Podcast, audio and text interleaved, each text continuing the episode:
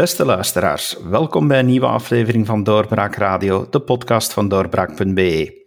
Ik ben nog steeds uw gastheer David Geens en ik praat vandaag met Peter Reekmans, burgemeester van Glabbeek. Welkom meneer Reekmans. Goedemiddag.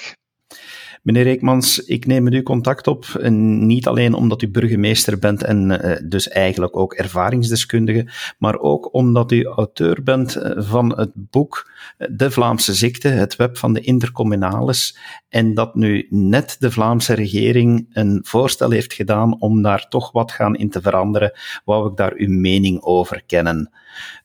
Algemeen gesteld, als we eerst even teruggrijpen naar uw boek.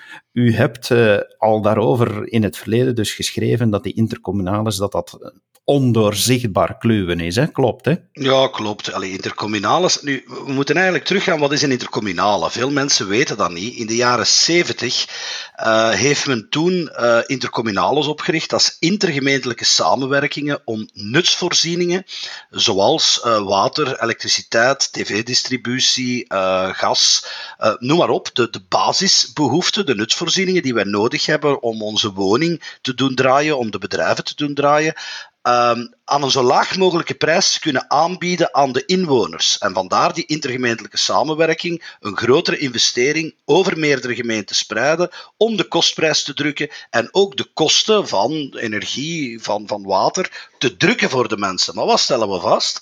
Uh, dat doel had een heel nobel doel en daar ben ik ook nog altijd voor. Intergemeentelijke samenwerking die ervoor zorgt dat de kosten voor de inwoners lager worden. Maar die intercommunales zijn totaal de verkeerde kant uitgegaan omdat het gepolitisioneerde uh, instituten zijn geworden. Waar de politiek eigenlijk een, een aan, aan, aan structuren en mandaten heeft gemaakt.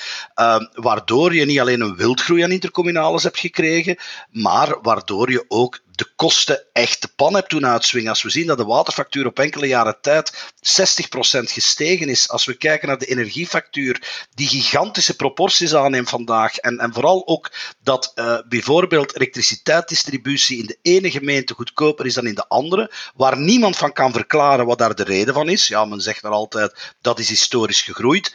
Ja, dan zijn we verkeerd bezig. En dan denk ik dat we naar een opschaling moeten gaan van die intercommunales. En dan denk ik aan één drinkwaterbedrijf Vlaanderen en één energiebedrijf Vlaanderen, zoals Fluvius nu al een goede aanzet is. Alleen is het probleem bij Fluvius, we hebben nu al één koppel door, door de fusie van Iandis en Infrax, maar al die aparte intercommunales die daaronder hangen, die zijn ook behouden.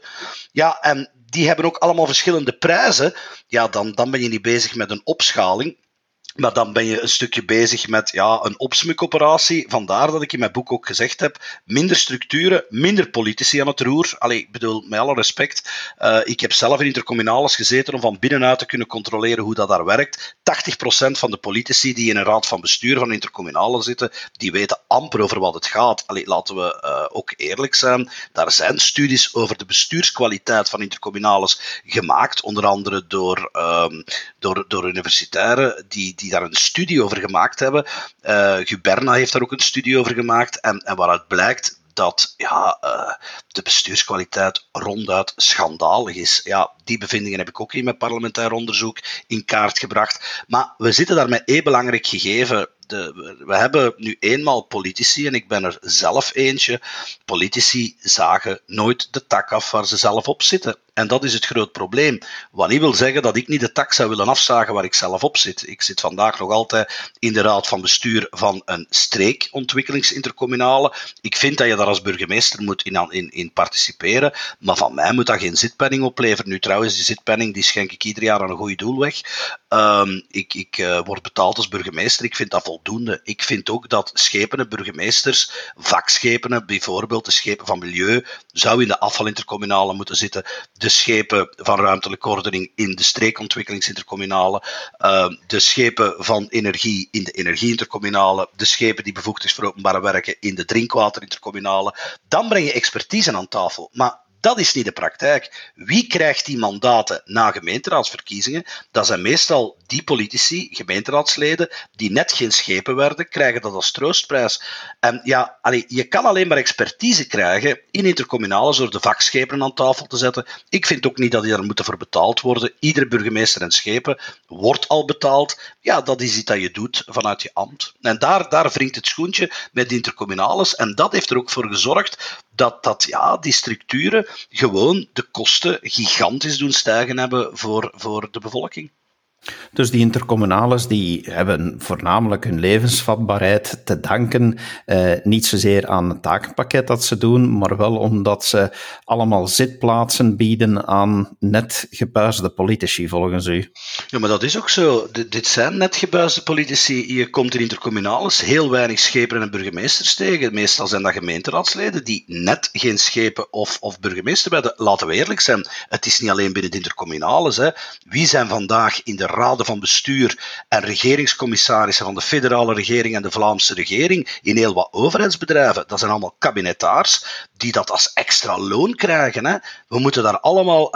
Want dat is, dat is het groot probleem van de politiek vandaag. Hè. Men misbruikt dikwijls die structuren en die mandaten om net bepaalde partijsoldaten te belonen. Zo simpel is het. En dat, iedereen weet dat. Iedereen geeft dat ook off the record toe, maar on the record blijft dit gewoon allemaal zijn gang gaan. Ja, want uh, volgens wat dat minister Somers zegt, van zijn er op dit moment, en ik denk dat u dat cijfer ook wel zal kennen, maar onze luisteraars nog niet, 2229 gemeentelijke samenwerkingsverbanden.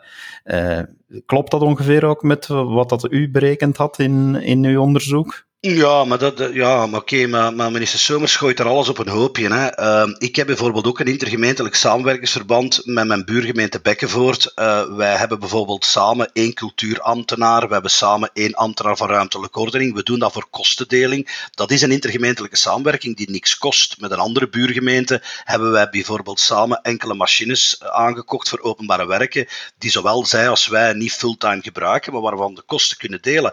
Dat gooit me er allemaal bij. En daar ben ik niet mee akkoord. Intergemeentelijke samenwerking zonder politieke structuren, uh, zonder al die raden van bestuur, zonder al die postjes, die hebben een meerwaarde. Er is geen één gemeente die met een andere gemeente een structuur gaat opzetten die geld kost, want je moet het dan zelf betalen. Je zet die structuren als gemeente op, intergemeentelijke samenwerking, het woord zegt het, door te gaan samenwerken, een schaalvergroting te krijgen en de kosten te gaan delen. De echte intercommunales in dit land zijn er ongeveer een 80, 90. En dat zijn de intercommunales die, die zeer veel geld kosten. Maar als schaalvergroting dan het doel is, is het dan niet beter om te gaan werken aan meer fusies van kleinere gemeentes tot grotere ja, gemeentes die, die genoeg schaal hebben om die dingen allemaal zelf te doen? Ja, maar ik wil dat allemaal heel graag zeggen. Hè. En ik ben eh, op gebied van overheidsfinanciën nogal uh, de laatste jaren, en ook in het parlement nog, en, en ook als burgemeester, heel intens bezig geweest met vergelijkingen te doen van kleine, middelgrote, grote en, en, en gemeenten en steden, kleine steden en grote steden. Ik stel vandaag één ding vast, dat de kleinere gemeenten in Vlaanderen financieel de gezondste zijn.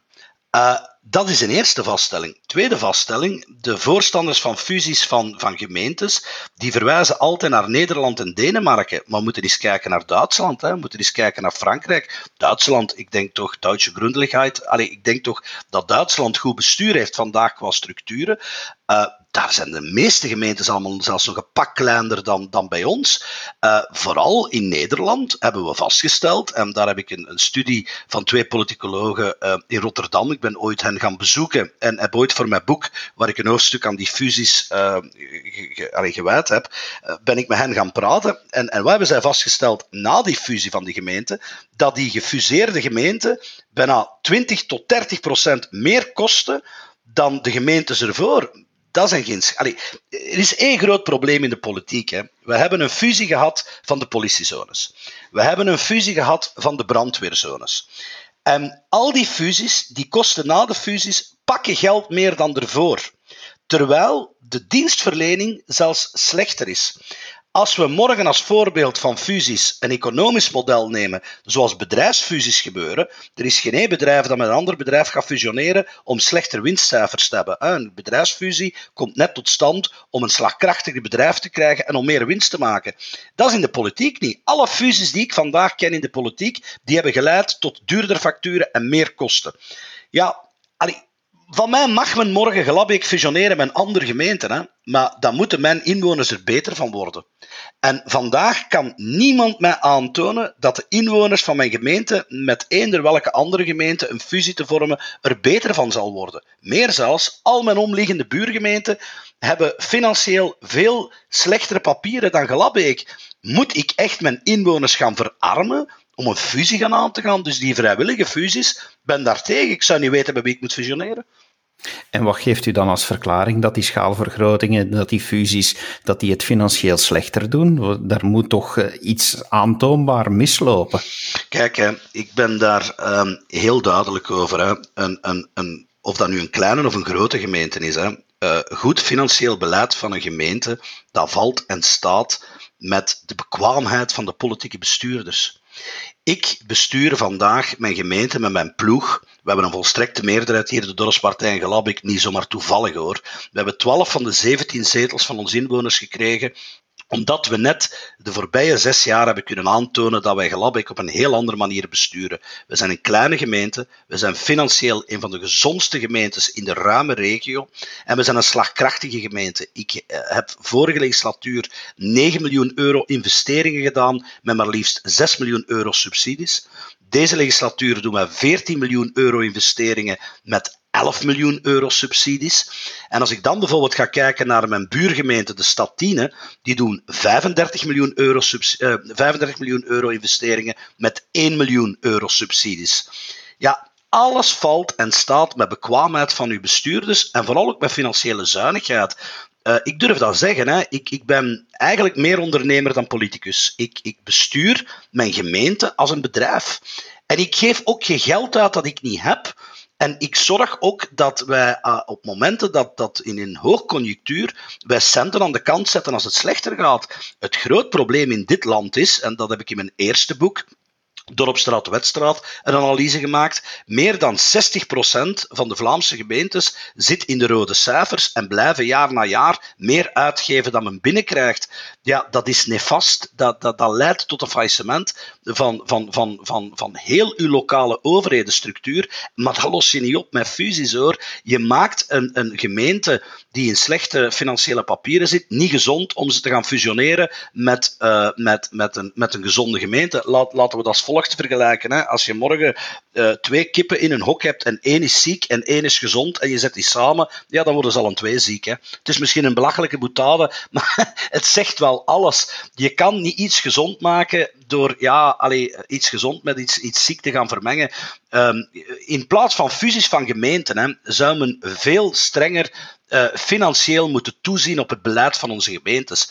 Met andere woorden, ik heb daar enkele maatregelen van naar voren gebracht in mijn boek. Hè. Ik vind bijvoorbeeld dat een partij uh, niet alleen mag meedoen aan gemeenteraadsverkiezingen als ze een lijst met namen indient, maar dat ze ook op voorhand een, een programma, financieel berekend programma, moet op tafel leggen uh, wat ze met de gemeente gaat doen als ze morgen de verkiezingen wint. Als je in dit land, bij wijze van spreken, een snoepwinkel wil openen, een eenmanszaak, dan moet je een businessplan aan de bank voorleggen als je daar centen gaat vragen. Ja, om morgen de sleutels van de gemeentekas in handen te krijgen, moet je gewoon de verkiezingen winnen en moet je op voorhand niet zeggen wat je gaat doen. En ja, we moeten toch na de verkiezingen, als je aan het beleid komt, een beleidsplan en een bestuursplan maken en een financieel meerjarenplan. Ja, laat ons eens de verplichting invoeren dat je alleen nog als partij aan gemeenteraadsverkiezingen mag deelnemen als je een financieel berekend verkiezingsprogramma op tafel legt. Eén, de kiezer weet waar je voor staat. Twee, uh, ja, je krijgt tenminste al mensen aan de, aan de stuurknoppen van de gemeentebesturen die op voorhand weten wat ze gaan doen. We, hebben vandaag gemeentes die het voorbije jaar nog maar nagedacht hebben wat men gaat doen. Ja, ik ben al een jaar aan het plannen. Mijn, ik had een dorpsplan, dat is al de tweede keer dat ik een, een financieel berekend dorpsplan aan mijn kiezers presenteer. Um, en, en de kiezer weet op voorhand wat we gaan doen, weet op voorhand wat het kost, en dat voeren we uit. Maar vooral, ik geef niet meer uit dan ik binnenkrijg. En dat is de dood vandaag van, van, van, van heel wat gemeenten in Vlaanderen. En dat bedreigt de slagkracht van gemeenten. En daarmee zijn het vooral ook de middelgrote gemeenten en de steden die in, in zwaar financieel weer zitten. Ja, kijk, als je gaat kijken naar de schuld per inwoner van een stad als Mechelen of een stad als Gent, ja, die zijn virtueel failliet. Dat, daar heeft men gewoon, ja, allee, eh, geld uitgegeven dat er niet was, via allerlei structuren. En de BBC was daarvan een verbetering. Maar de BBC heeft één groot probleem. Je moet pas je autofinancieringsmarge, dus het verschil tussen je uitgaven en je inkomsten, uh, pas in het laatste jaar van de legislatuur positief hebben. Ja, allee, hoe kan, en in mijn eerste boek heb ik daar tabellen van, van afgedrukt die van het agentschap Binnenlands Bestuur kwamen. Je ziet daar meerdere gemeentes die elk jaar in de rode cijfers gaan. En miraculeus worden die het laatste jaar van de, van de legislatuur gewoon gezond. Ja, hoe doen men dat? Men schrapt gewoon in de uitgaven en, en men blinkt gewoon de cijfers op. Uiteindelijk zijn dat boekhoudkundige trucs om de rekening te doen kloppen. En daar mogen we een stukje gaan leren van Wallonië. Want Wallonië heeft wel een hoge raad van financiën die toekijkt op de rekeningen en op de begrotingen van alle gemeenten. Dat hebben wij in Vlaanderen niet. En daar pleit ik wel voor. Ik vind dat elk gemeentebestuur moet verplicht worden dat ze niet meer mogen uitgeven dan er inkomsten zijn. En dan zijn we al een hele grote stap uh, dichterbij bij slagkracht van gemeenten. En ja, maar dat valt en dat staat natuurlijk met de slagkracht van uw bestuurders en de bekwaamheid van uw bestuurders, niet meer of niet minder. Even terug naar die intergemeentelijke samenwerkingen en die intercommunales. Minister Somers die heeft nu het ballonnetje opgelaten om daar veranderingen in te gaan brengen. Hij heeft een, een kaart van Vlaanderen getekend, onderverdeeld in regio's, en vindt dat men binnen die regio's eh, moet gaan samenwerken en dat daardoor het kluwen van intercommunales en alle andere intergemeentelijke samenwerkingen zou moeten verminderen. Gelooft u in dat plan? We hebben al een plan gehad, een, een, een witboek, uh, regio-screening van minister Bourgeois. Dat is al twee legislaturen geleden. Ook de vorige minister van Binnenlands Bestuur is daarmee bezig geweest. Nu is Bart Somers daarmee bezig. Regionale samenwerking, ik ben daarvoor, hè, als uw regio sterker wordt. Maar ik, ik, uh, ik vrees een beetje dat het een maat voor niks gaat worden. En ik ga zeggen waarom. Uh, men slaagt er vandaag nog niet in binnen Fluvius, waar men naar een schaalvergroting is gegaan. En, en opgelet, hè, ik ben daarvoor. Hè. Men heeft de Jandis en Infrax gefusioneerd naar één nutsbedrijf voor energie. Dat is zeer positief. Maar men krijgt zelfs geen politiek akkoord om al die onderintercommunales, die allemaal nog vroeger onder Jandis en Infrax zaten, afgeschaft te krijgen. Ja, als je dat nog niet afgeschaft krijgt, ja, hoe ga je dan in ganse regio's uh, allee, heel de, de, de samenwerkingsverbanden gaan herschikken? we moeten durven, en, en ik zou een, moest ik vandaag minister van Binnenlandse Aangelegenheden zijn, ik zou een heel andere oefening maken. Ik zou gaan kijken van welke intercommunales hebben een meerwaarde en welke intercommunales zijn overbodig. En de helft kan je daarvan afschaffen. laten we het zeggen, wat je kan vandaag vinden in de Gouden Gids of op Google, in de privé, vind ik dat een overheid niet moet aanbieden. Ik geef een voorbeeld. Wij zijn de eerste gemeente nu die uh, volgend jaar het afvalcontract met intercommunale Ecowerf, dat is de afvalintercommunale in mijn regio, niet gaan verlengen. Want dat zijn contracten van 18 jaar. Wij gaan de markt op. En wij gaan naar een Europese aanbesteding waar elk private afvalverwerker kan aan deelnemen. Uh, Aarschot heeft dat enkele jaren geleden al gedaan. Wij zijn nu de eerste die uit een intercommunale stappen. Uh, en Aarschot heeft daarmee aangetoond dat de afvalfactuur voor alle inwoners met 25% daalde. Ja, als je dan weet dat al die afvalbedrijven in de privé vandaag als onderaannemer werken voor Ecowerf, de afvalintercommunale, ja, dan weet je waar die 25% zit. Hè. Ecowerf pakt gewoon 25% marge op hun onderaannemers. Ja, en die centen zitten in de intercommunale om, om de structuur te betalen. Ja, kijk, ik geef veel liever die 25% aan mijn inwoners. Ik laat de afvalfacturen van mijn gezinnen zakken. En ik hoop ook dat het sluikstorten uh, daarmee gaat uh, verminderen in mijn gemeente. Want wat zorgt voor sluikstorten? Ja, sluikstorten wordt gecreëerd door mensen ja, die ofwel niet willen ofwel niet kunnen vuilniszakken betalen en, en die het dan liever in de straatberm gooien. Maar dat kost je nog veel meer. Dus wij gaan nu naar een openbare aanbesteding, maar ik stel vast, dat is uniek. Hè? Er zijn weinigen die uit intercommunale stappen als gemeente. Ik heb dat beloofd aan, aan mijn kiezer bij de laatste verkiezingen, met te zeggen van kijk, wij gaan zelf een screening doen van elke intercommunale, waar Gelabeek deel van uitmaakt, en wij stappen één na één uit elke intercommunale die ofwel te duur is, niet marktconform is of geen, marktwaarde heeft, geen meerwaarde heeft voor onze inwoners. Maar je moet dat durven, hè? En zoals u al zei, van, dan eh, neem ik aan dat u wel in het plan Zomers toejuicht dat hij meer wil toewijzen aan de burgemeesters en de schepenen dan het eigenlijk overlaten op dit, uh, zoals het op dit moment gebeurt aan die uh, ja, gebuisde politici. Ja, maar daar heb ik het plan Zomers niet voor nodig hoor. Allee, je moet als gemeente zelf durven de oefening maken. Um, wat is het aanbod in de privé? Wat is het aanbod van intercommunale? En wat is de prijskwaliteit? En daar moet je gewoon een marktstudie van maken. Daar heb je heel, heel dit opzet. Enfin, men wil, en, en je merkt dat hoor, er zijn enkele partijen in Vlaanderen die per se kost wat kost naar een fusie van gemeenten willen. En wat is daar de echte reden van? De echte reden is een politiek personeelsprobleem. Heel wat traditioneel politieke partijen die krijgen vandaag nog amper hun lijsten gevuld. Dat heeft volgens mij meer te maken met hun geloofwaardigheid dan dat de mensen uh, hun, allez, meer geïnteresseerd zijn in lokale politiek. Uh, mijn Dorpspartij werd opgericht in 2011. Vandaag hebben wij 12 van de 17 zetels in de gemeenteraad. We zijn een gemeente met 5300 inwoners. Ik heb ook 800 leden. 800 inwoners zijn lid van de Dorpspartij. We hebben 58 bestuursleden. En ik kom met de vorige gemeenteraadsverkiezingen twee lijsten vullen. Daar dat, zijn, dat zijn heel speciale cijfers, dus dat zal niet in iedere gemeente voorkomen. Nee, maar dat is omdat wij hier in Gelabeek een beleid voeren dat niet gedicteerd wordt vanuit Brussel. Wij zijn niet partijpolitiek gebonden. Wij hebben maar één politieke binding en dat is Gelabeek. Gelabeek staat centraal in ons beleid.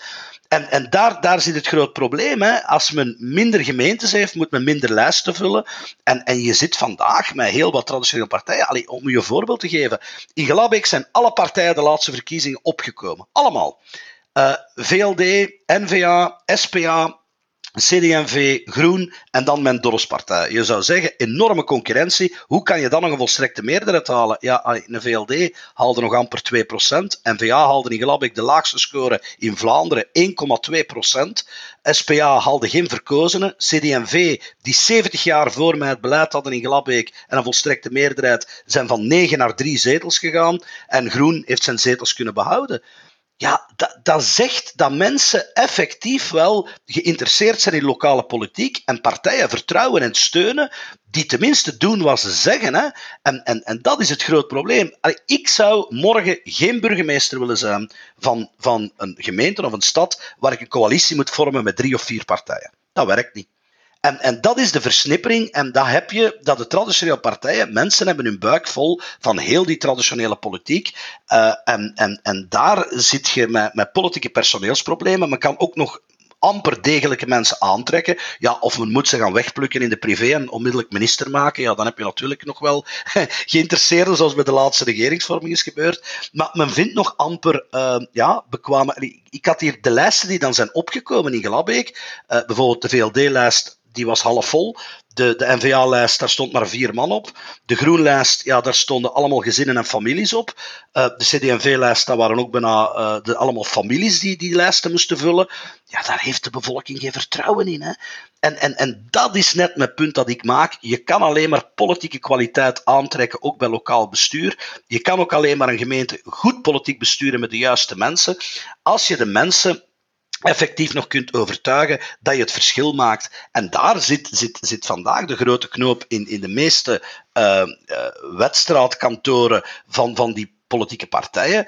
Ja, men merkt dat men in de gemeentes nog amper lijsten kan vullen. Men merkt ook dat die kwaliteit ziende ogen achteruit gaat. Uh, ja, maar, en dat werkt allemaal, hè, zolang er geen alternatief is. Hè. Voor mijn dorpspartij uh, haalde een CD&V zonder hier iets te doen, want die deden niks. Uh, dat is de reden ook dat de mensen gezien hebben al zes jaar beleid van de Dorpspartij dat, dat allee, er wel partijen zijn die werken. Want dat zeiden kiezers ook tegen mij. Die zeggen van ja, kijk, vorige keer hebben we niet op u gestemd, maar je hebt zes jaar bewezen uh, dat het wel kan. Dus eigenlijk die zes jaar beleid van mij en mijn ploeg, die hebben bewezen dat die daar voor mij, die 70 jaar aan het beleid waren, niks gedaan hadden.